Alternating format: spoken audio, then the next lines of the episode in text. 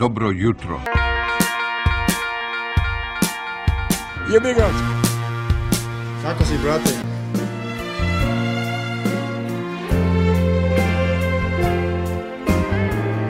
Bilo lepo.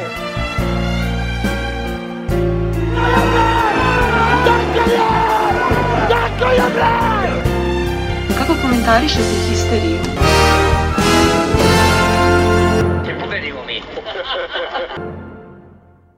Pozdrav histerikalci, dobrodošli u novu epizodu našeg podcasta. Ovaj deo je posvećen košarci i mi imamo jednog vrlo posebnog i dragog gosta.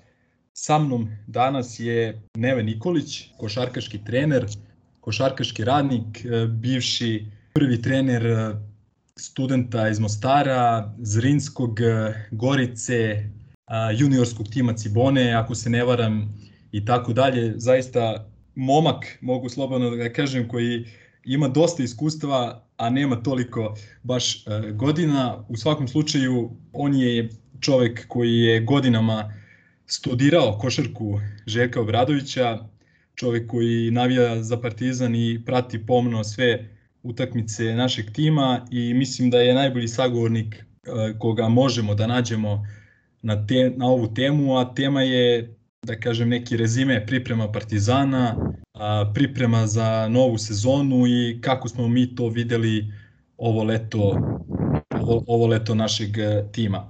Nevene, hvala ti mnogo i dobrodošao u Partizan Hysterical podcast. Hvala ti Milenko, pozdrav tebi i svima koji nas slušaju. Prosto kad je neko pogrešio, pa čak i kad je pogrešio u smislu izbora šuta, u smislu čak i neke egoizma, sebičnosti da, da drugi igrač ne treba to da kritikuje, nego da se vrati sprintom i baci za tu loptu kao da je on napravio grešku. E tada se pali mašina. Ok, imali smo vrlo zanimljivo leto koje je za nama.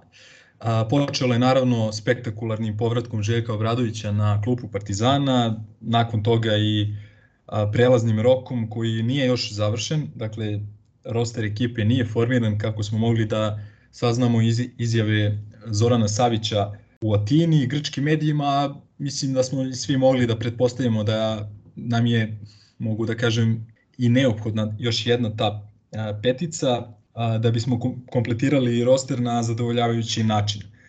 Pa ajde da prođemo malo kroz ovaj sastav, pa, trenutni sastav Partizana. Ja bih podelio naš trenutni roster na možda tri neke ili četiri kategorije. Prvo bih krenuo od bekova, odnosno od igrača na pozicijama 1 i 2. Kao što smo mogli videti u pripremnim utakmicama, dosta se tu kombinovalo i u modernoj košarci nema više, da kažem, te strogo definisane podele na pozicije 1 i 2, pa tako i mi imamo dosta igrača na te dve pozicije, tu naravno pre svega mislim na Madara, Mura, Avramovića i Pantera, pa možemo tu da svrstamo po mom mišljenju Trifunović. Da, Trifunovića koji je možda neka pozicija 2-3, iako je, da kažem, veći deo svoje juniorske karijere proveo na pozicijama 1-2. Kako se tebi čini, čini ova bekovska linija Partizana? Pa vrlo potentna prije svega. Uh, mislim da Željko je zadnjih godina pokušava uvijek da ima uh, u svakoj petorci svojoj uvijek dva ball handlera i svaka ekipa njegova je to imala, evo ima sad i Partizan isto tako. Mislim da sva četiri igrača, čak i Trifunović, spadaju igrače koji imaju određenu, određenu kreaciju u svojim rukama, ali isto tako i poene. Tako da o, nije, nije ovaj, začuđujuće što se upravo odlučio za, za ovu četvoricu, odnosno pet igrača na te, na te dvije pozicije, gledali smo te utakmice i uglavnom igra na taj način da uvijek ima barem dva, a nekad čak i tri igrača koji su spremni ovaj, uzeti kreaciju svoje ruke. E sad, e, tu ima iskustva, jer Panter je igrač koji je prošlu sezonu igrao na Final Four Eurolige, nije mala stvar.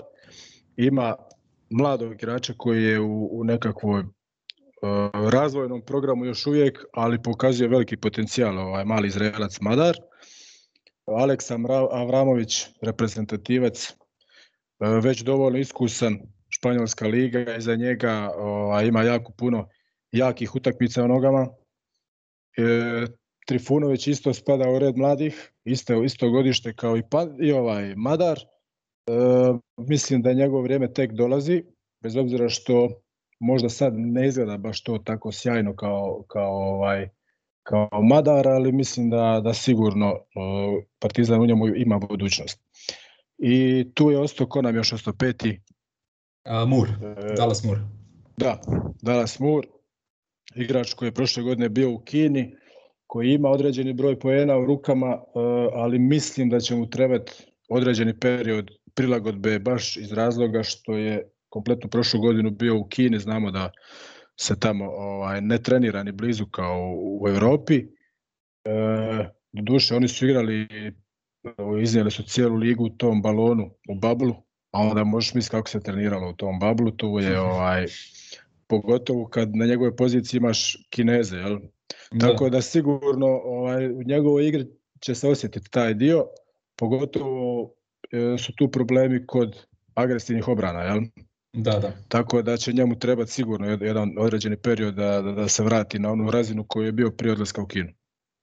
Da, doći ćemo do njega i ponovo malo kasnije kada dođemo do nekih defanzivnih principa. Bilo je jasno da nas konkretno Fenerbahče dosta napada preko njega na, sa niskog posta, ali kažemo to, do toga ćemo doći kasnije. On je imao jedan peh zbog e, čega je propustio i ma, mislim čak dve nedelje priprema dakle kompletan ovaj prvi deo priprema a, je propustio na Zlatiboru, tako da njemu će svakako trebati vremena, on je i po nekom, da kažem, CV-u svom košarkaškom a, igrač koji ko, će trebati da kažem dati možda malo i prostora da se snađe ovo je verovatno najveći neki nivo košarke koji on igrao u dosadašnjoj karijeri, ali moram da te pitam za Jama Madara. Uh, ovih prvih par utakmica onako, bilo je to baš, baš dobro za jednog momka koji, opet, ako pričamo uh, o Dallasu Muru koji ima iskustvo igranja, ne znam, iz Kine, Izraela i Italije,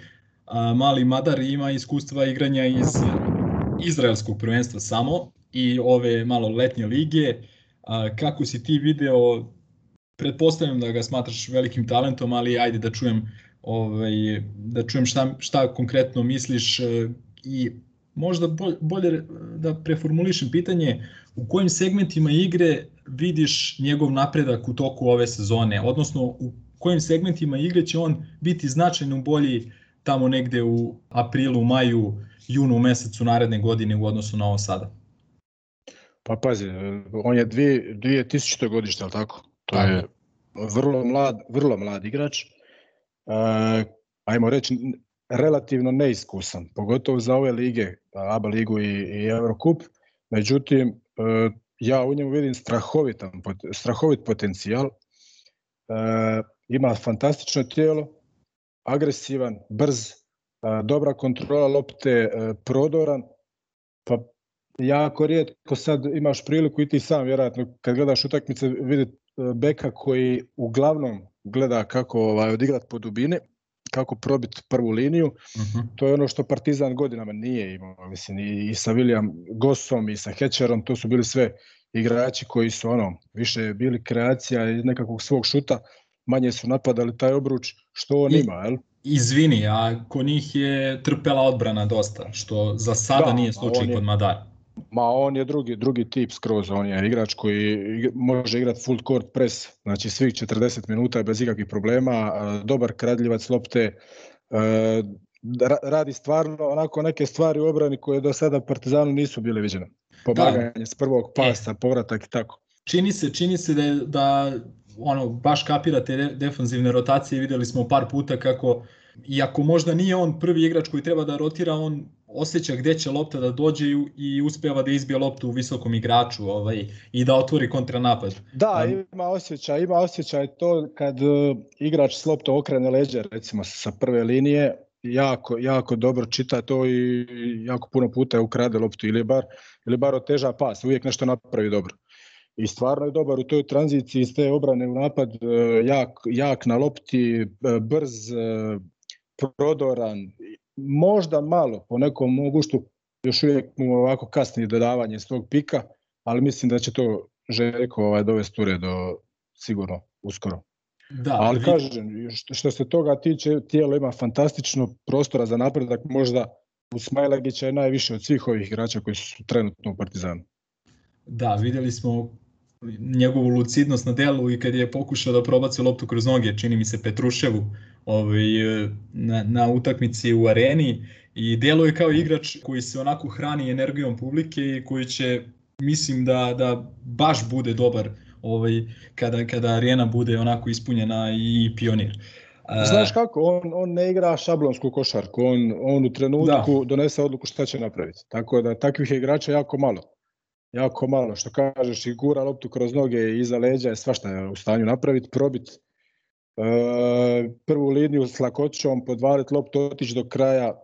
Mislio sam čak da je puno lošiji šuter nego što jest, ali stvarno ovih par utakmica koje smo gledali ove spot-up šuteve uredno zabija. Da, spot-up šuteve zabija, ali nije, nije, uspe, nije uspevao iz driblinga e, da pogodi ništa, a, a ima odlične procente iz prethodne sezone i ono što me takođe fascinira, baš sam slušao dosta, dosta američkih e, stručnjaka koji smatraju da dobrog šutera, šta, šta zapravo naj, najbolje odslikao dobrog šutera, šut sa slobodnog bacanja da tu zapravo uh, možeš da vidiš da li neko ima prostora za napredak dalje u, u, ovaj, u šutu, a ne, mislim, možda stvarno zvuči kao sitnica i kao banalnost, ali ne znam, pogledaj ti njegove, njegove izvođenje slobodnih bacanja, lopta ne dira obruč, to je prosto neverovatno, mislim da je bar na 90% sa, sa slobodnim yes, bacanjem. Yes.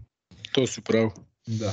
A, ništa, ajmo na a, krilne pozicije tu imamo, da kažem, dosta, dosta različitih igrača, iako su možda slični negde po visini i po građi.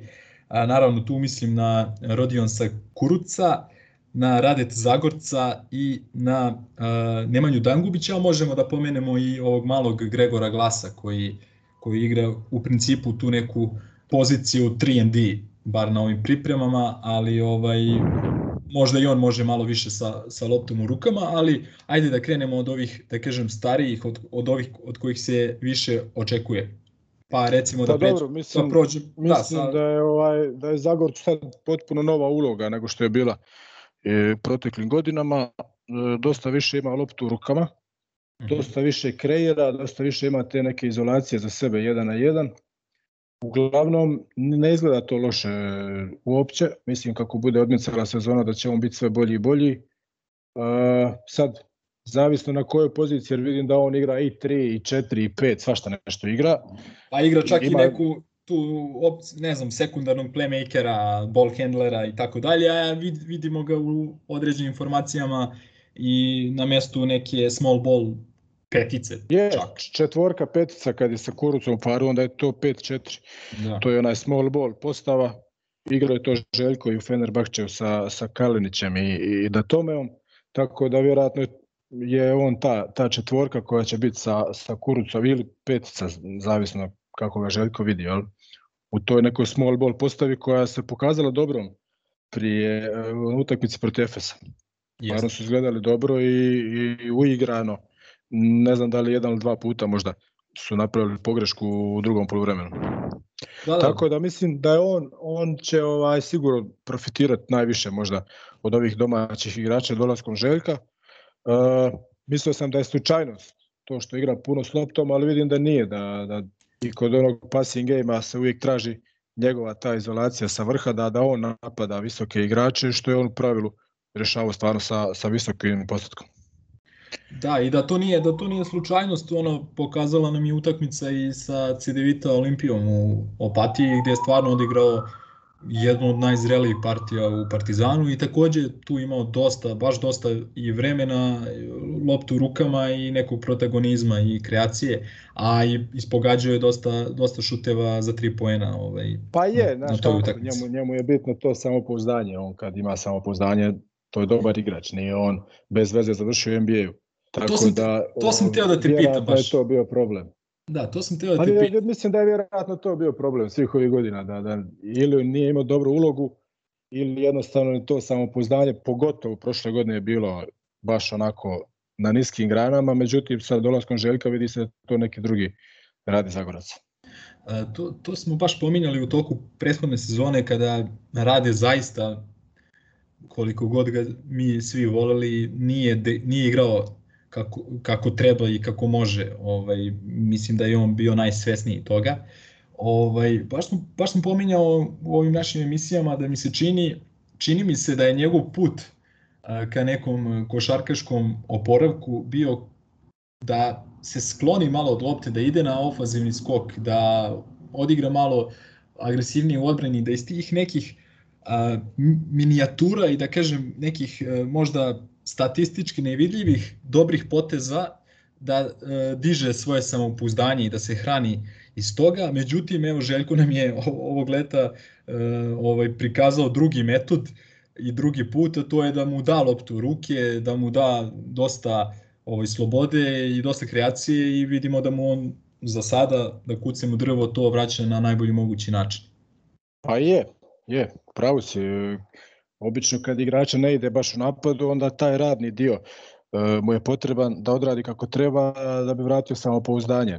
To što kažeš, dobra obrana, e, skok u napadu, defanzivni skok, dobro trčanje i da ne iz nekih lakih poena se vrati to samopouzdanje, što je on vjerojatno i, i, ovaj, i učinio. Ali kažem, evo još jedan put vidim da Željko dosta vjeruje u njega. E, bilo je par onako situacija i opati o, mislim ne bi mu bio u koži kad Željko počne vikati, ali je stvarno onako videlo se da, da, da Željko u njega ima veliko povjerenje da pokušava što prije ispraviti te neke pogreške u igri. E, dosta mu vjeruje i mislim da će to, da će to izaći pravi put. Da, mislim da je Željko najalergičniji kada, kada neko ne prepozna mismeč ovaj, u toku igre i ono, bar... Pa znaš kako je, pratim ga dosta ovako te neke reakcije njegove sklupe. Uh, on dosta stvarno traži od igrača da kad uđu na teren da razmišljaju. Znači, prije svega da razmišljaju. Znači, ne očekujem od njih, od njih da, ne znam, zabiju 20 pojena svaki. Nego jednostavno da u pravom trenutku donose prave odluke, da pročitaju obranu i da donesu pravu odluku, jer znamo da je košarka brza igra, da se ta odluka mora donijeti u što kraće vremenu. Jel? Tako da, da je alergičan kad igrač uđe bez fokusa, bez koncentracije, kad ne razmišlja od tri stvari, ne prepozna dvije, naravno da nakon toga ide klupa, jel? I jezik da. juh. Tako da par puta ovaj, i, i njega isto tako, ovaj, ono što se kaže, dosta izribo na, na, na tom ovaj, dolasku na klupu, ali to je sve odrastanje. Tako je, mi, mislim da su apsolutno svi u timu svesni da verovatno nisu i neće imati boljeg trenera sa kojim, sa kojim će sarađivati. Mislim ovaj... da je nemoguće. Da, tako da... Naći boljega. Tako da, ono, ako ne vide da je ovo, ne znam, jedinstvena šansa koja se ne pruža baš svima, onda nemamo o čemu, o čemu drugom da, da pričam. Ajmo na Rodija Kuruca. U ovim našim nekim Fog, privatnim razgovorima rekao sam ti da mi on ovaj, onako potajno ljubimac ove ekipe, deluje kao odličan momak, onako tih nenametljiv, možda čak i previše tih i nenametljiv. Znamo taj njegov razvojni put, Barcelona, NBA i tamo različite uloge od petorke u nekom rebuilding timu, pa do menjanja strategije tog tima, dovođenja Durenta, Irvinga i tako dalje, onda prosto nije bilo tu prostora za njegov napredak i razvitak, onda ne znam, Milwaukee koji se bori za titulu i tako dalje, deluje da je on izgubio tu dosta samopouzdanja i da je jedan dugačak put pred njim da on to samopouzdanje povrati. Bilo je sad dosta, dosta vidim komentara i po, po internetu i nekako ljudi još uvek nisu najzadovoljniji e, njegovim partijama, odnosno očekivali su više, ajde tako da kažem. A, međutim, moj je neki utisak da on radi gomilu nekih korisnih stvari i stvarčica, što u odbrani, što u napadu. Videli smo da je izuzetno nesebičan, kaže možda i previše. Ovaj, previše, da. Previše, znači igrač sa njegovom rukom, znači sa onom mekoćom ruke, on mora da, da ja kažem, mora da uzme 4-5, da digne 4-5 trojki po utakmici, možda i više, jer prosto to se ne rađa i ne viđa se svakog dana videli smo u par navrata da zato što protivnici respektuju taj njegov šut za 3 poena, on je u stanju da napravi tu prednost na close outu, da svako će mu skočiti na fintu šuta, prosto je tako. I videli smo par puta da napada dobro taj close out, videli smo par puta gde i nije baš izabrao najbolje rešenje i tako dalje. Gde ja još vidim a, njegovu snagu, to je u trčanju tranzicije, ono coast to coast, uhvati majstor loptu pod svojim košem i ne znam, ono spusti loptu dribling. Na zakucavanju. Tri koraka je na zakucavanju kao Jan Veseli ono, u najboljim danima. Da, da, protiv Makabija. Tak, da, ovaj, tako da i sviđa mi se njegov intenzitet u odbrani, ovaj, mislim da kad se spusti ono u stav da ne može ni jedan bek da ga probije ovaj, s polja na perimetru, mislim da još malo ovaj, mora da napreduje u okviru te neke timskog koncepta odbrane, pomoći i tako dalje i da se čuva nekih bespotrebnih faulova koje je znao da napravi da. u ovim utakmicama. U gotovo svaku utakmici je ušao u problem sa, sa ličnim greškama. Kako I, ti vidiš da, kako ti vidiš ove njegove partije do sada i šta možemo očekivati od njega? Pa znaš kako, prvo po dolasku u Beograd on je sam izjavio da nikad u životu nije ovako, ovakve treninge radio. Što znači da kad ne treniraš dobro, onda ne možeš ni igrati dobro. E, druga stvar, veliki respekt prema njegovom tijelu. Mislim, tu to je 2-8, to je jedno strašno tijelo za košarku. E, igrač koji igra na više pozicija, znači videli smo primarno trojka koja može igrati četvorku, pa u ovim small ball situacijama čak i peticu, e, koji može čuvat od 1 do 5 bilo koga preuzimati, jako bitan u toj switch obrani koju Željko forsira i triple switchu pogotovo. Uh, što se tiče individualnih karakteristika, sam si rekao, kad ulovi loptu uh, ispod svog koša, to je nevjerovatna jedna energija, uh, dobar dribling, sa dva, tri driblinga on dolazi u situaciju polaganja, zakucavanja, međutim, uh, vidio si sam da zbog tog manjka samopouzdanja jako puno zicera je promašio zakucavanja uh, da. od početka sezone, ali to će doći s vremenom. To će doći s vremenom. A, ono što vidim kod pozicione košarke je da ima strašno dobar šut za 3 poena i ti kažeš ne uzima te šute. Po meni, on bi trebao uzimati šuteve i kad je igrač na njemu, jer on je 2-8, on kad podigne lakat obrambene igrača pored njega kao da nema, on stvarno može dati koš i preko, preko obrane. I sad, ima jedan problem, uh, malo pogledaj, kad budu utakmice, svaki put nakon finte šuta napada uh, direktnim korakom. Znači, da. ne, ne radi ukršteni korak, nego direktni korak, ista ruka, ista noga. Nisu koraci, međutim, znaš, sudit će, ligi, da. sudit će mu 100%. Znači, sudili da. su i Saši Pavloviću, sudit će i njemu. To su, to su stvari koje, evo ja recimo, kod trener sam izbacio iz obuke uh, igrača, ne zato što ja to ne želim raditi, nego iz razloga što uh, 90% sudaca njima je to čudno, oni to onako po defaultu sude korake. I, i on baš u nekakvoj, kad je dolazio tek u Partizan, po onih highlightsima, on svaki put radi ista ruka, ista noga. Jučer su mu sudili, mislim, jedan, jedan put te korake, tako da bit će tu možda malih problema s tim, ali ovaj, Inače, Mislim... inače, izvini, ovaj, Dule Vujošević se godinama, ovaj, da kažem, bori, po znacima navoda, da se to pravilo promeni, odnosno da sudije počnu ne, ne čak ni da tolerišu zato što je to sasvim dozvoljeno, nego prosto greota je da kažem da, da ti kažnjavaš napadača za nešto Tako. što je legalno napravio sebi prednost. I Dule to vrlo često zna u nekim košarkaškim razgovorima, intervjuima da, da spomene kao jedno od pravila koje bi pod hitno moralo da se malo ono da kažem... Njima to izgleda malo čudno i onda oni to, znaš, odsude da. i kad je i kad nije, stvarno ono, eto. Tako da mislim da, da će tu morat možda malo više raditi na tome da promeni taj način polaska, ali ovo što, što smo videli, znači stvarno, e, možda nije igrač koji, koji može toliko s loptom igrati, ali ja u zadnje dvije utakmice stvarno ima vidio da dobar pregled igre, pogotovo u da. tranziciji, on vidi, on stvarno ima pas, vidi da. ovaj, da vidi sve četiri linije dodavanja, ima duž, duge, duge ruke, visoke, tako da onako e, dosta nezgodan za čuvanje, ali kažem, morat će, mislim da je tek na 30%. On mora da. podići samopouzdanje i vjeru u sebe, a to će doći sa treningom i sa utakmicama. A meni se čini u onim prvim utakmicama u Opatiji ovaj, da je da je nekako da nije pohvatao, da nije ušao u, u timske koncepte, u akcije, u setove i tako dalje i, i dosta često je kasnio sa ulaskom u, u određenu akciju. Ovaj... Pa ne samo on, mislim da je to problem kod svih ovih igrača, jer e, to pogotovo u Patiji kad su se spustili sa Zlatibora, ono što ja kažem, informacijski kolaps. E, jako puno informacija su imali, jako puno tih kretnji za uigrat te e, kretnje, akcije, napade, šablone, pa to treba po 4-5 meseci. Da, da, ali oni kažem, su to radili kažem, čini, čini mi se da je mnogo bolji bio u pozicionoj košarci u Istanbulu protiv Efesa pogotovo i protiv Panathinaikos. Da, da. Ovaj, je, tako sigurno. Da, eto još sigurno. jedan, da kažem, razlog za, za optimizam. A ne, pa kažem ti, za, pogotovo kad je ekipa sastavljena od puno mladih igrača, treba vremena, mislim, to sad bilo je negativnih komentara, puno, e, nakon, ne znam, deset dana što je ekipa na okupu, meni je to suludo.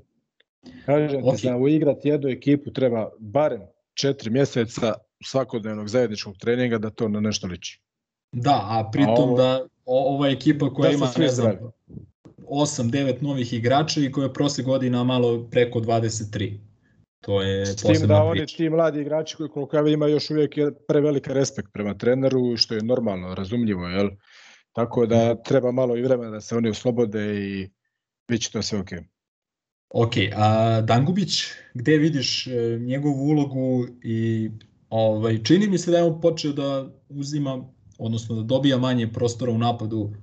Juče prekriče je, ne znam, imao dva šuta na celoj utakmici i tako dalje i to isključivo spot-up šutevi. Kako vidiš e, njegovu ulogu u ovoj sezoni? Pa nije ni nešto pretjerano minutaže on ima da nešto ono, mislim, vidi se i dalje da je on taj obrambeni ovaj specijalac koliko vidim čuva ove naj, najbolje igrače protivničkog tima. E, ne dozvoljavaju mu baš pretjerano kreaciju, osim ono kad je kad, kad improvizacija, kad se ispadne iz kretnje, ali što se tiče šuteva, to je na nekih 45-50%, to je sasvim ok. Klasični onaj 3D player, tako da mislim da mu i ne treba mijenjati ulogu od one koje je imao u Crvenoj zvezdi kad je bio pod Radonjićem, da je to sasvim jedan dobar Dangubić, da se zna šta se od njega može dobiti i da je to to. A meni se čini da i on sad već e, ovaj, u nekim, da kažem, igračkim godinama i da nema on tu sa nekog spektakularnog prostora za napredak i on može da postane eventualno samo dobar timski igrač.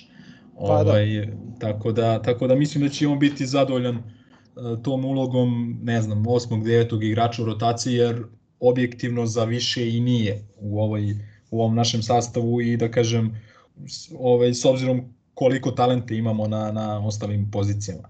Ovaj, ajde da pređemo na, na, znači na pozicije visokih igrača. Ovaj, pre svega tu su uh, Zekle Dej i uh, Alen Smajlagić. Uh, to su dva igrača koje su, mogu slobodno da kažem, uh, već pokazala da od njih možemo da očekujemo zaista dosta ove sezone. Uh, od Ledeja se to donekle očekivalo, očekivalo jer je imao nekoliko odličnih evroligaških sezona iza sebe, pogotovo prethodna u Armaniju. Uh, ali za Smajlagića je već postojao neki znak pitanja, ovaj, znamo i svi da nije baš se naigrao neke, neke seniorske košarke, ali... Ako mene pitaš, veliko iznenađenje. Da. U pozitivom smislu. Kako si video njega, znam da te oduševio, pa ajde malo da o, o njegove igri da popričam. Pa pazi, iskreno ti bude, ja sam njega prvi put u životu gledao opatiji protiv C9 i ono nešto malo preko ovih e, klipova iz NBA, statistike, stvarno onako mislio sam da je to neki osmi, devet igrač u rotaciji, čisto onako da, da ima sa još jedan visoki e, za trening, međutim, na jedno baš onako pozitivno iznenađenje. Energija, prije svega, uh, hrabrost, uh, igrač koji igra dvije pozicije, školovan, talent, baš veliki talent, znači nije to samo onaj radni dio košarke, gledali smo par utakmica, dobar šuter za tri poena, spušta loptu, dribling napada licem, trči, ubacuje se sa slabije strane, ide na skoku napadu, preuzima u obrani, pomaže. Onako, baš onako jedan, jedan dobar, dobar igrač. Da. Mislim da je, da je on tek sad na početku nekakvom da, da ono što je bio jedan veseli e, kad je bio kod Duleta, da, da je to taj igrač sad u, u tom, toj fazi kod, kod Željka. a pritom je strašno talentovan i, i ima te neke osobine koje prosto razdvajaju dobre od najboljih igrača. A to je Jeste, konkretno... i prostor za napredak koji, je. koji sigurno ga ima. Možda je najviše od svih. A, konkretno na, na tim pozicijama visokih igrača 4 i 5, znači četvorka, sad je već postalo, da kažem, podmoranje da ima šut. Ali ako, Ma, imaš, naravno. ako ima šut i uz to ima i kreaciju, mogućnost da napadne licem ka košu, da spusti loptu u dribling i tako dalje, onda pričamo o, o da kažem, nečemu posebnom. Ovaj, tako da mislim da smo stvarno napravili pr- pravi potez njegovim dovođenjem i Ne, ono što ja kažem, to je ono, ono krađa prelaznog roka sigurno je. To je I još, još na tri godine ugovor. Tako, tako da, je. tako da je to ovaj, prosto nevjerovatno, a s druge strane Zek Ledej, kažem, ovo je već njegov neki gledano po statistici i ovaj, pa i možda nekom ovaj, vizualnom doživljaju nešto što je očekivano. Ovaj, to neki 12-13 poena, 7-8 skokova u proseku, malo čvrstine u reketu i tako dalje, ali mi se čini da ni on nije baš 100% fizički na nekom A ne, nivou. meni, meni se čini da ima viška kila, sigurno. Da, je, da je da. sa 3-4 kila viška i to kad, kad se sto, stopi da će to biti opet onaj Zekli Day koji leti, koji igra iznad obruča i ali stvarno se vidi da je veliko povećanje i ima i taj šut, spot up šut stvarno na nekih koliko 40-45% šuta za 3, igra lagano, bez ikakve panike, ima i pas, znači pravo povećanje, koliko vidim, dosta, dosta omiljeno s učionici. Da, i deluje mi, ne znam, onako da ne beže od, od odgovornosti, da, ovaj, da nema da se ne krije prosto od lopte i tako dalje, tako da A dobro, svjestan je uloge da je među najstarijima i najiskusnijima i sigurno da, da će, ono, kad budu utakmice u egalu, da će on i Panter biti taj dvojac koji će, koji će preuzimati odgovornost više na sebe. Ja. Da. A, došli smo do ove dvojice, da kažem, mlađih u toj, e, toj dvojice zapravo jedinih centara koje je trenutno, trenutno e, imamo u rosteru, to su Miletić i Koprivica. Balša je jedan strašan talent šta smo se mogli uveriti koliko juče i on je potpisan, potpisan na tri godine i, prosto to je jedan projekat kome će trebati vremena da počne da donosi određene rezultate, da kažem, na nekom konstantnom nivou. Međutim, vrlo pozitivno je ono što smo videli juče, dakle ona lakoća postizanja, postizanja poena, ona spretnost da se, ne znam, uzme lopta maltene u ne, kao da je ima neke ima mekoću tu u rukama kao da je playmaker u pitanju. Ima je se vidio pas onaj pas, sa, sa tako kapice. Se vidio. Tako je, jesam, jesam, jesam. Baš znači to, prosto to prosto radi razliku između pa da, to radi razliku između velikog igrača i, ma, i malog igrača. Pa mislim da se radi o potencijalu isto velikom da da da je to momak koji uh, ima sigurno svetlu budućnost. Njemu je verovatno šok sada ovaj prijelaz iz te sveučilišne košarke na, na Željkovu košarku. E, vidio sam da ima malo problema sa, sa hvatanjem akcija, da malo kasni u tim blokadama u, sa tajmingom, ali se vidio si juče za 6 minuta koliko 14 poena i 3-4 skoka. Jako dobar u tom zatvaranju obruča, rim protekciji meka ruka, međutim još uvijek nije počeo šutirati izvana, ali znaš sam lani, gledali smo ga bili i na sveučilištu da, da šutira lagano za tri poena sa penala, da je to da su da, to visto, vidjeli visoki smo, ovaj postoci. Vidjeli smo juče, ne znam, 6 u 7 čini mi se sa, sa penala. Da. I ima taj vertikalni spacing, jako je skočan kad primi loptu u blizini koša da, da odmah ide na zakucavanje, nema tu puno filozofije. I popravio je trčanje u leđa, bio je onako kad je došao iz Amerike još je to bilo onako ili možda zbog manjka treninga, ali sad je već to puno brže ovaj pokretljivije nego što je bilo kad je kad je stigao. Kažem, mislim da da da je sigurno njemu će možda najviše vremena trebati za prilagodbu. Jer potpuno se drugačije, on je tu možda u juniorima bio, al tako? Nije igrao nikakve senderske minute. Ne, ne. Otišao je u Ameriku, pa da, tako da će njemu sigurno trebati ovaj, možda najviše vremena za prilagodbu na evropsku košarku, ali mislim da, da je svjetla budućnost ispred njega sigurno. mislim to apsolutno nije nikakav problem zato što on je i najmlađi igrač u, u sastavu, tako da ako neko, da kažem, ima vremena, mada većina, da kažem, našeg sastava ima nekog vremena da dostigne svoj zenit igrački, on posebno ima. E, on je bio na solidnom košarkaškom programu ovaj, na Florida State-u kod Le Leonarda Williamsa, međutim, a, bila je to neka velika rotacija, bilo je tu dosta igrača, niko nije, da kažem, dobijao baš neki ogroman prostor, tako da mislim da mislim da neke stvari koje on donosi, da kažem, a, pardon, nije Leonard, Leonard Hamilton je trener, a, neke od stvari koje on donosi poput tog što si rekao da odmah ide na zakucavanje, to je klasično ona američka škola za centre, znači nema nikakvog filozofiranja, spuštanja lopta od parket i tako dalje, ali ovaj, mislim da on posebnu razliku može da napravi kao upravo što, kao što si rekao šutem s polja, mislim da je, može da proširi domet a, i na šut za 3 poena. Ma zato... sigurno, pa mislim da. da je on lani više išao pick and pop nego što je radio pick and roll. To je da, ono, da. ono bar, bar, bar one utakmice koje smo mi gledali, koje su bile na uh, dostupne. Tako da. da mislim da sad vidim i u Opati isto par puta iz navike i krenuo u pick and pop pa je dobio ono po nosu. Uh, tražili su stalno bili taj rol od njega, ali vidi se točno da je navika bila neka druga. Tako da kažem, njemu će trebati vremena. Uh, pametan dečko, vrijedan momak i mislim da, da, da sigurno će biti dobar igrač. Da, postoji... A, mislim, ima i gene košarkaške. Tako da je, to, to, sam, to, sam, e. to sam upravo krenuo da kažem, postoji ta neka, da kažem, posebna konekcija između njegovog oca i njegovog sadašnjeg trenera, koja nam je dobro poznata, tako da, Naravno. da ovaj, svakako će tu, možemo da očekujemo jedan dodatan motiv više, ovaj, kako kod Željka, tako i kod Balše, i ostaje nam, ostaje nam Dule Miletić, koji je imao minute još u onoj sezoni Trinkjerijevoj i u onom odličnom timu Partizana. Sezona u borcu, onako prilično korektna za ABA nivo. Evo ga ponovo nazad, e, nismo baš očekivali da će bude startni centar tokom mojih priprema, ali tu je, imao je dobrih minuta, imao je ne baš tako dobrih minuta. Kako ti vidiš njegovu ulogu u ovoj sezoni?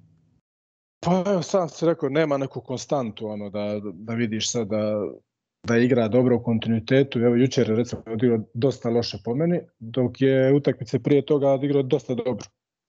Sad sve zavisi, znaš, i opet e, nije isto kad igraš bez Pantera i kad igraš sa Panterom, kad igraš bez Lidea i, bez, i sa Lidejem. Tako da možemo to i u tom kontekstu gledati. E, ono što on ima, to je stvarno jedna pokretljivost,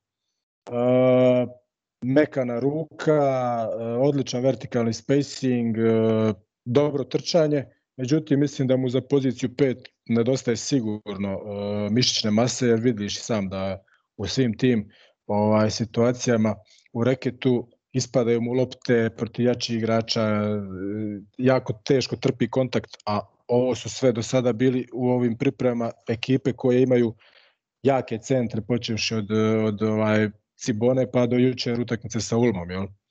Tako da sigurno mora poraditi na toj mišićnoj masi e, ako misli igrati onako neku malo zbiljnju košarku. Mm -hmm. Ajde, kad smo već kod te centarske pozicije, ovaj, svedoci smo ovaj, najava iz kluba, konkretno od Zorana Savića, da tražimo centra. A, kakvog ti centra očekuješ? Ili za kakav tip centra smatraš uh, da nam je potreban?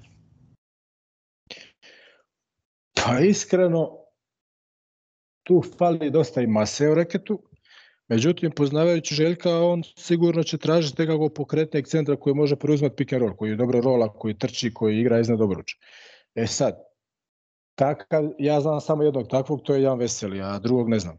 Tako da ne znam koga će iskopati, ali uglavnom, e, da, tre, treba će sigurno jedno, jedno jako visoko tijelo u reketu, prije svega ovaj, da zatvori taj defanzivni skok koji je po meni možda i, i najveći problem na ovim pripremama i, i igrača koji, mislim, to ne mora biti igrač sa pojedima u rukama, ali, ali te defanzivne stvari i ovaj, e, su sigurno potrebne ovom timu.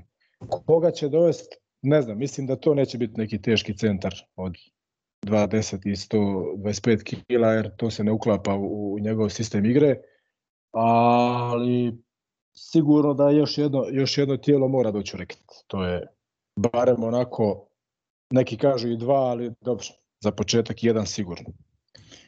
Ove, da, posle dugo vremena ove, imamo izgleda odgovarajući budžet, ali očigledno situacija na tržištu i nije baš najbolja što se tiče ponude na, na poziciji 5.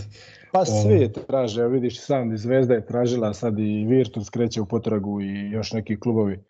A uglavnom da. su to slični budžeti, tako da malo igrača, puno zainteresiranih, jel? Da, što bi ovaj, jedna stara, stara izjava sa Beogradskog asfalta, ovaj, mala bara puno krokodila, znaš. Da. Ovaj, tako da, ok, prošli smo, prošli smo onako prilično iscrpno kroz, kroz roster, ajmo sad ovako malo na neke koncepte napadačke, koje si ti video neke napadačke tendencije, ajde prvo da krenemo od pozicionog half-court napada, koje su akcije za tebe ostavile neki najveći utisak i da li si primetio specijale za određene igrače? Pa, kako ne, mislim, poznavajući Željka e, iz Fenera, iz doba dok je radio u Feneru, dosta tih istih akcija se igra i sada u Partizanu. Naravno, ali, naravno, ko onaj ko prati Željka zna da su da je uglavnom se to svodi oko e, pick and rolla, jako puno e, napada uh, je sa tim centralnim pick and rollom. Sad, zavisno ko je na terenu, ako su, uh, ako su ljevaci unutra, onda se igra ljevi pick and roll za Vramovića i za, za uh, Mura. Izvini, samo da, te pre, samo da te, što sam te prekinuo, a Avramović dosta, sigurno si primetio, dosta često koristi onaj reject ovaj, skrina, da mu postave skrin u desno, a onda on odbije screen pintom i ovaj nastavi nastavi levo ako vidi da da ovaj da njegov odbrambeni igrač očekuje očekuje ovaj pa očekuje da, da ta taj reject je u stvari dobra priprema za napad e, na pick and roll na drugu stranu taj jer odbrambeni igrač mora napraviti neku reakciju a u toj reakciji gubi onu poziciju koju je imao prije toga tako da sigurno kad dođe blokada sa te druge strane da da je tu napadač u prednosti. I to su stvarno ovako dobre stvari počeo je Trinkeri kad je bio kod, u Partizanu, prvo je on počeo s tim, evo sad i Željko i mislim da je to jedan ovako dobar trik za, za, za napraviti prednost u tom pozicijnom napadu. Uglavnom, kažem, kad su njih dvojica na parketu, onda se igra uh, pick and roll na tu lijevu stranu, dok je s Panterom i, i sa Madarom to na desnu ruku, jel? što mhm. opet nije, ova, ima raznovrsnost neku svoju. I vrlo je nezgodno, evo ja onako iz nekog svog iskustva, kad si obramben igrač uglavnom 95% pick and rollova braniš tako što, što igrač s loptom ide na desni pick and roll i to je nekakva automatizacija. I onda kad dođe taj ljevi pick and roll, opet malo je to teže, jel? Jer kad nešto prođeš 100 puta, a nešto samo dva puta, onda je puno teže braniti ovaj, taj, taj ljevi. Tako da je to jedno veliko ovaj, oružje. Biće teško braniti ovaj, te situacije. Uglavnom se to svodi na, na centralni pick and roll, ali Željko dosta forsira i pik na čistoj strani sa baseline screenom, znači e, da igrač s loptom je usmjeravan prema ćošku, a da tri igrača sa slabije strane se kreću e, svaki prema, jedan prema lopti, dvojica otvaraju šut, tako da jako teško se brani. To, su, to je on igrao dosta i sa Slukasom u Feneru, evo sad igra sa, sa Murom i sa, sa Vramovićem, jedno jako oružje isto što se tiče pick and rolla. Jel? Od da. ostalih akcija e, vidio sam da se dosta igra, igraju se cross screenovi za da se lopta spusti na Zeka Lidea. Iz tih istih e, ulaza ima i dosta izlaza, odnosno specijala da, da se on umjesto da se ubaci na niski post, da se otvori na šut za tri poena, što on to dobro koristi. E, Ima, imamo akcije recimo sa uh, grenade screenovima, ako znaš što su, kad se lopta spusti da, na, da, na low post. A onda pa on izađe, onda, izađe tako, na driblingom na uručenje i stvara se 2 na 2 igra na, na, na čistoj strani. To do sada nije, nije se igralo prošle godine, bar ja nisam vidio da je neko igrao, ali evo Željko to, to dosta, dosta koristi. A, protiv Efesa se pokazala ona akcija prvi put, dijamant za, za Pantera, ili što bi stari navijači Partizana rekli krug za Uroša. Da. To je to je ta akcija, jel? Da on Da, bira izlaz i kreira, znači ima to, ima dosta ziper napada, uh, mislim da ima i dva, tri napada sa Spain pick and rollom, sa blokadom u leđe za, za ovog centra. Tako da se uglavnom sve vrti na, na te izlaze, uglavnom on ima 4-5 ulaza uh, istih u napad, ali su izlazi različiti, jel? Zavisno Da, da, za koga igra i puno tih specijala, specijala koristi. Ono što sam možda očekio malo više ovih flare blokada, ali očito je to uh, nadogradnja koja će doći u toku sezone, nije vjerojatno htio je opterećivati previše sad s tim, ali sigurno da ima i, i, i tih opcija kako otvarati šut na, na, ovaj, na slabijoj strani sa, sa, tim, sa tom vrstom blok, blokova. jel? Da. Flare blokade su onako, znaš i sam malo nezgodne i onako mora tajming da bude stvarno dobar. Ma naravno. da se ne bi prvo napravio faul, a drugo da bi se napravila prednost koja se želi napraviti i to dolazi sa nekom uigranošću i tako, i tako ovaj, e, dalje. A, primetio sam za Pantera recimo da prvih par minute protiv Monaka je samo on dobio loptu. Ako se sećaš, ovaj, ulazio je, ne znam, Boston ima tu akciju za Tatuma i za Browna, ovaj, oni to na- nazivaju neki, kao neki stek, ovaj, gde on a, sa linije penala izlazi a, na 45 i taj centar koji je bio kod koji je bio kod njega dolazi ponovo u repik ovaj, i prosto tu se igra, da kažem, na taj individualni kvalitet Pantera koji je zaista... Da, pa to su njegove ne dolazi prve u utakmice, pitanje. vjerojatno je htio malo, znaš, da ga razigra i da mu da loptu ruke, da osjeti ovaj igru, pošto dugo nije bio na parketu. Tako da onako čak malo i previše se igralo na njega, ali dobro, to je to ulazi sve u pripremni period. jel? Da, a, još jedan, da kažem, a, vrlo modern a, napad, odnosno koncepcija m, prosto napadačka koja se naziva five out, kao five out formacija, gde faktički svih pet igrača je van linije za, še, za, za bože, tri poena. A, mi smo to igrali sil- silom prilika, prosto, ne znam, utakmicama gde Smajlagić ne igra, gde Ledeji se umori i tako dalje, gde Ali igramo bez mislim centra. Da nije to silom prilika da ćeš to gledat ovaj, kroz celu sezonu. Pa da, da, Nećeš ali cijelu utakmicu, ali ćeš gledat sigurno jedan dio. Ne, ne, da, da, Znaš, slažem e. se zato što je to pokazalo da donosi rezultate, a ovaj međutim to je naravno vidjet ćemo i kakvog centra dovedemo i tako dalje, ali svakako ćemo taj napad gledati u određenim delovima utakmica. A, tu se dosta zasniva na, ne znam, pasovima, na kretnjama, na katovima i tako pro- dalje. Protok lopte, protok lopte, uh, to je passing game klasični, jel? I suština je, lopte, suština je da nađeš mismatch da nađeš mismatch koji ti odgovara, a to smo mi nalazili recimo protiv Efesa on, u onim uh, trenucima kada je, Zagorac, on. ili Dunston Zagorac. Tako. Zagorac je preko Dunstona dao baš dosta poena na, na ovaj Uglavnom, utakmici. uh, Željko jako puno, baš jako puno insistira na tome uh, na igri bez lopte. Da se igrači kreću u spacingu, da popunjavaju linije dodavanja, da otvaraju linije kutevima. Tako da, da ovaj, to je onako nešto što, što baš onako vidim da, da, da se ljuti dosta kad, kad ne, ne ispoštuju to do kraja. Uh, I u tim akcijama isto ovaj, kod tih baseline screenova, to je radio u Feneru sa Kalinićem, uh, uvijek najlošiji šuter sa slabije strane uh, sprintom, to je takozvani shallow cut, uh, sprintom popunjava mjesto pick and rolla, a ova dva šutera osta, najbolja ostavlja na slabijoj strani tako da onemogućava pomoć na tom rolu, jel? Tako da ima tu ovaj ima tu dosta tih stvari gdje ljudi misle da se igra na, na jakoj strani, a u biti se akcija igra za, za, za igrače na slabijoj strani napada, da se otvori sam na šut ili da dobije nekakav kat na zicer. Uh, Da, i ono što je takođe jedna od odlika Željka je da ume često da upravo to što si rekao, dakle da zamaskira akciju, da ti misliš da se igra akcija na, za jednog igrača ili ne znam. Ovaj, Za šutera na kraju Da. primeš zicer, da. Tako je, tako je. I bi, bilo je par nekih onih maski, ne znam, iz... Sad više ne mogu ni da se setim, ali ne znam, Ako- zamaskira španski u ako- nešto drugo a- i tako dalje. Je, ili ako se sjećaš na dva pasa Smajlagića od pod na uh, muru na zicer. E, da, da, da. To je, da. to je trebalo biti akcija za šutera, nekakav steger gore ovaj, na vrhu, međutim taj prvi bloker umjesto da, da napravi blok, napravi slip i uđe na zicer i to su lagani poeni. Jeste.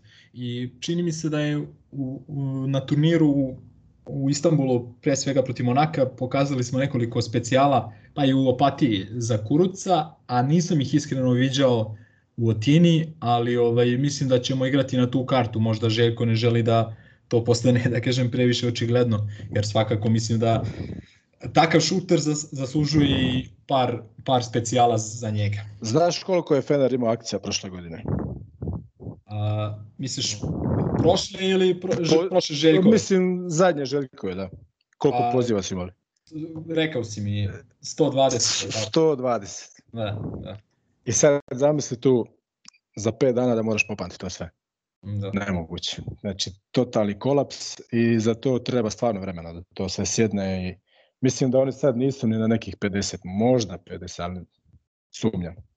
Tako da sigurno će iz svake akcije on ima 6, 7, 8 izlaza a, varijacija, tako da ovaj dobro je što recimo Eurocup kreće tek 19.10. To je još mjesec dana treninga gdje si u ritmu samo jedna utakmica, tako da će imati vremena, ali bio bi problem veliki da sad već kreću ove e, srijeda, subota ili utorak, subota, kako je već bilo.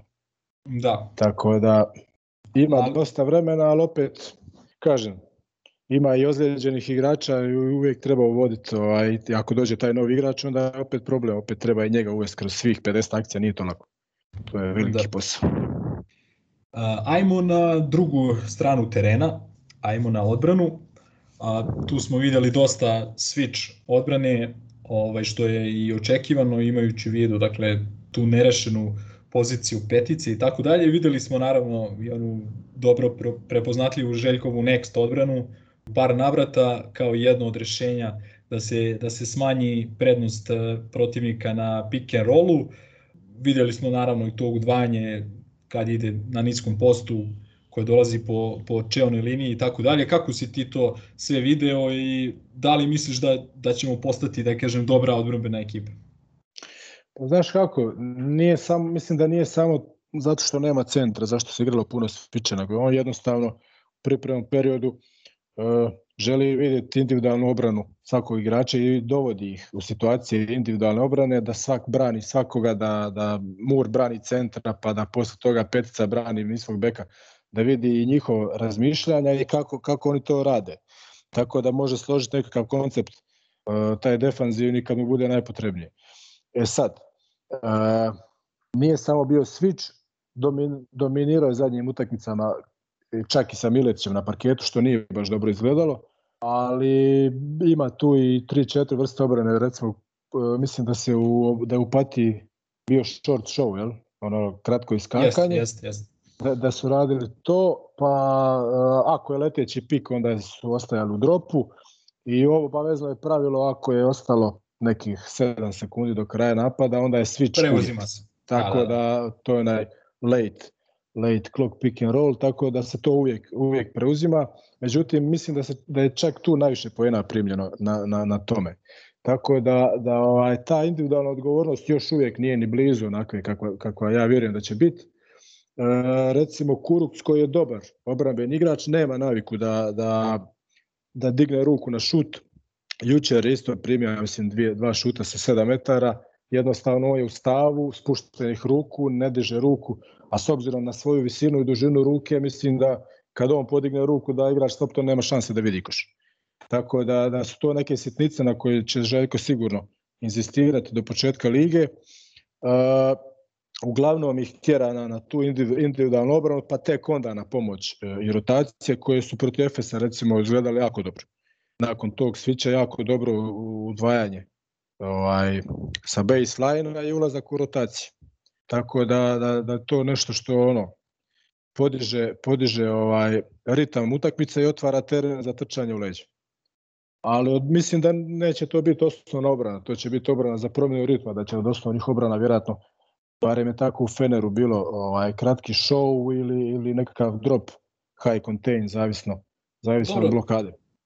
Realno gledano ne možemo, ne možemo da znamo kako ćemo igrati odbranu dok ne vidimo koja će petica petica da dođe, jer od petice realno najviše zavisi, po mom mišljenju, ne znam da li ćeš se složiti, ali najviše zavisi vrsta odbrane konkretno pick and rolla.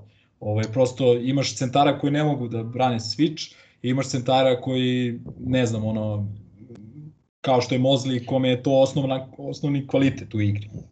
Pa znaš kako, uvijek, mislim, bar ja tako polazim kao trener, da uvijek prilagodim sistem obrane prema igračima koji imam. Ne mogu sad igrati iskakanja, ako imam sporog centra nepokretnog, mislim, to nema smisla. Možeš ako si Dule Vujošević i ako imaš neke, ne znam, Milutinova, Krstića, Perovića i tako sa 18 godina i onda pokušavaš da ih, da ih naučiš da igraju sve vrste odbrane, ali činjenica je to što kažeš da, pa da. A, da, da je to prosto Naj, ono... Sve zavisi, sve zavisi od protivnika, znaš, ako ono, mislim, uh, uvijek, mislim da Željko uvijek ima u svom sistemu pet, šest vrsta obrane od pick and rolla, pa onda recimo kad se napravi scouting da se onda izabere jedna ili dvije koje, koje su možda naj, naj, ono, najviše prilagođene za tog protivnika i ekipu koju on sam vodi.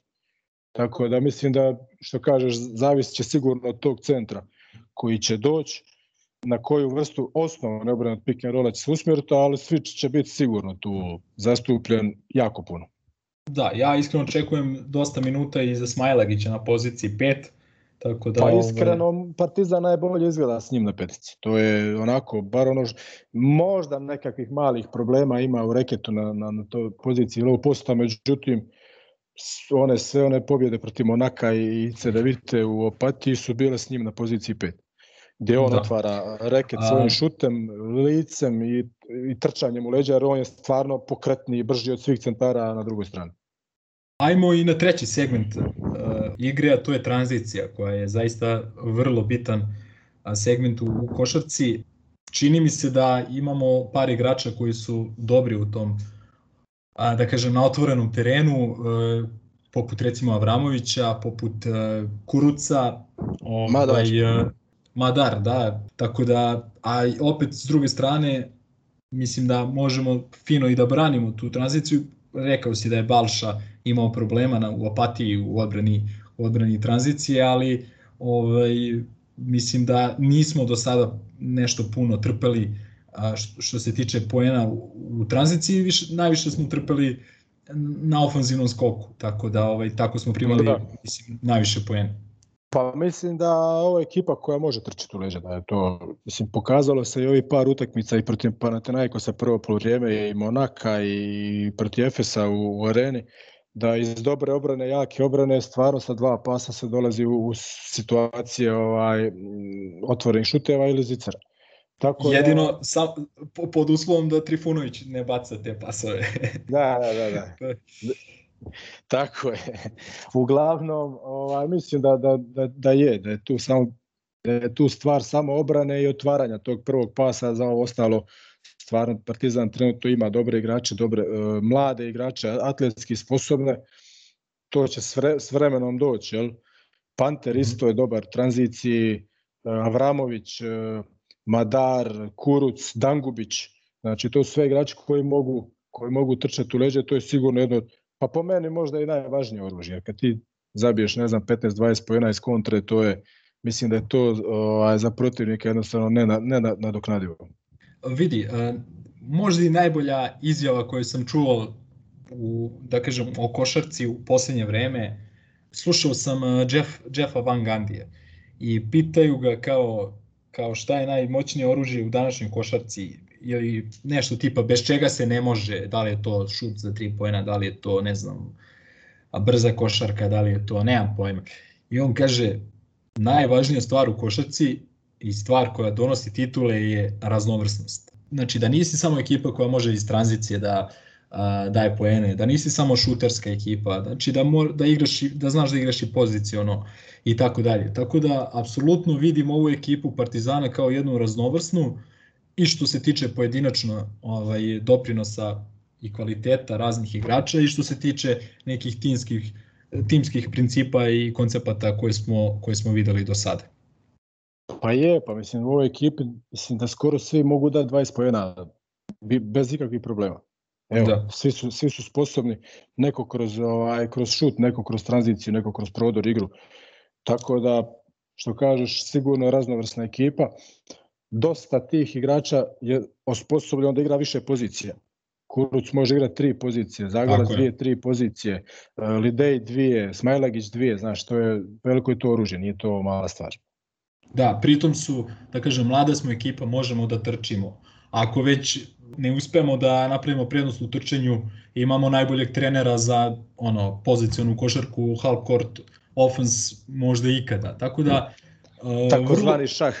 Tako je, tako je. Ovaj, uh, tako da mislim da mislim da stvarno imamo čemu da se nadamo.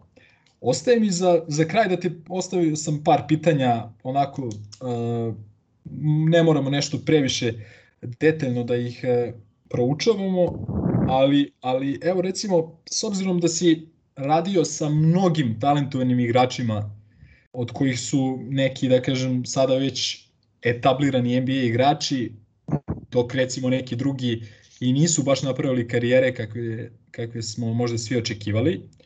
I ja se sećam dobro naših razgovora od pre, ne znam, 5, 6, 7 godina, kada si mi a, tvrdio da je Ivica Zubac, recimo, najtalentovaniji igrač iz, iz te neke generacije u regionu i da će napraviti bolju karijeru od nekih drugih igrača koji su u tom momentu, neću sada ih imenujem, ali u tom momentu su delovali mnogo zrelije, mnogo kompletnije.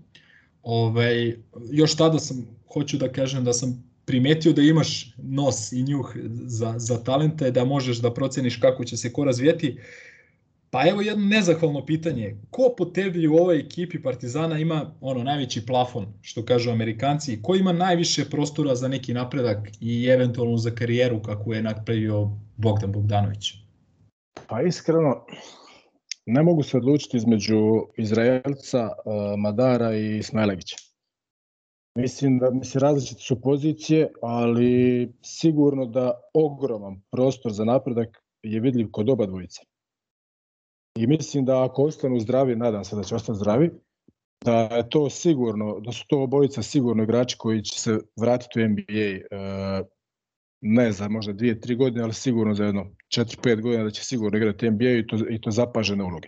Jer kad pogledaš kakvi sve igrači iz Evrope tamo igraju, a nisu ni približno e, talentirani, ni, ni približno nisu bili ovako kvalitetni igrači u njihovom godištu, tako da mislim da su sigurno njih dvojica taj tip, jel? A sad mhm. opet tu i Kuruks je, je opet isto pokazao neke stvari, međutim on je stariji dvije godine, dvije godine od njih. Za ove ostale, mislim, ovi su ipak malo stariji već ostali igrači, tako da ovu dvojicu bi sigurno izdvojio. Ok. A, svedoci smo da, ne znam, u košarci u poslednje vreme, ne samo u poslednje vreme, nego maltene od uvek je bilo bitnije ne ko počinje u prvoj petorci, nego ko završava utakmicu ovaj, na terenu. Ponovo jedno nezahvalno pitanje je da kažem iz trenerskog ugla jer svaka je utakmica različita, mora da, mora da se gledaju i ti neki matchup i šta ti ja znam i ko ima kakvu utakmicu i tako dalje.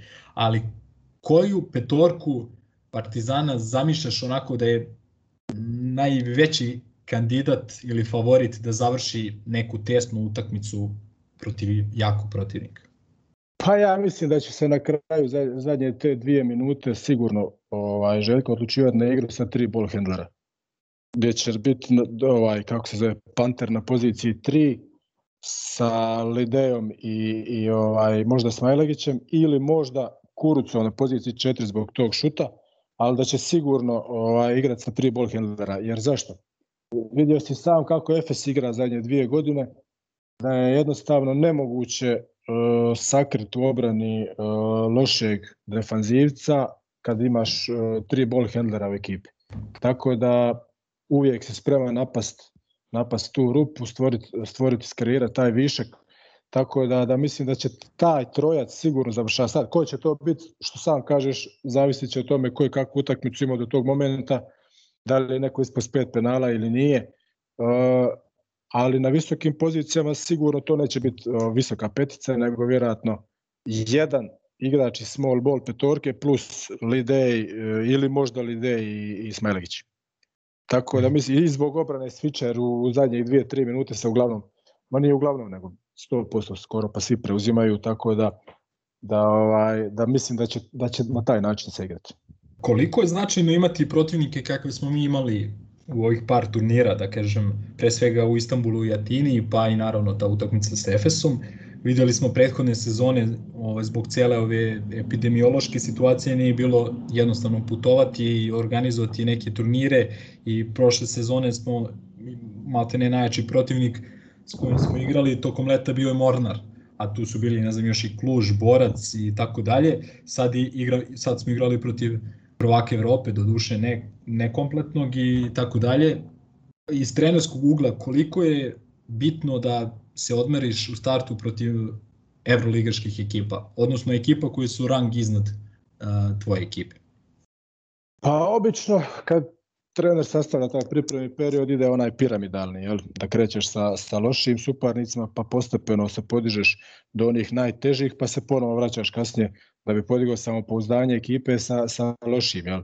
Međutim, Željko je procijenio da vjerojatno uh, puno bolja opcija da se igra proti da se igra te euroligaške turnire iz razloga što uh, kroz sezonu ekipa neće imati priliku igrati Euroligu i da je možda bolje da sada proba uh, da vidi da vide i oni sami gdje su i da osjete taj, taj jaki kontakt. Mislim da, da je ovo pogođeno kad vidiš da si dobio jednog Efesa, jednog Monaka, da si se Panathinaikosom Aten bio u produžetku, da je to sasvim ok i da će biti puno lakše ući u sezonu ovaj, sa tih utakmica nego da si igrao puno lakše protivnike koji, koji bi pobjeđio možda sa 10, 15, 20 razlike, a od tih utakmica mislim da ne bi dobio puno toga. Mislim dobio bi, ali ne bi dobio pravu povratnu informaciju.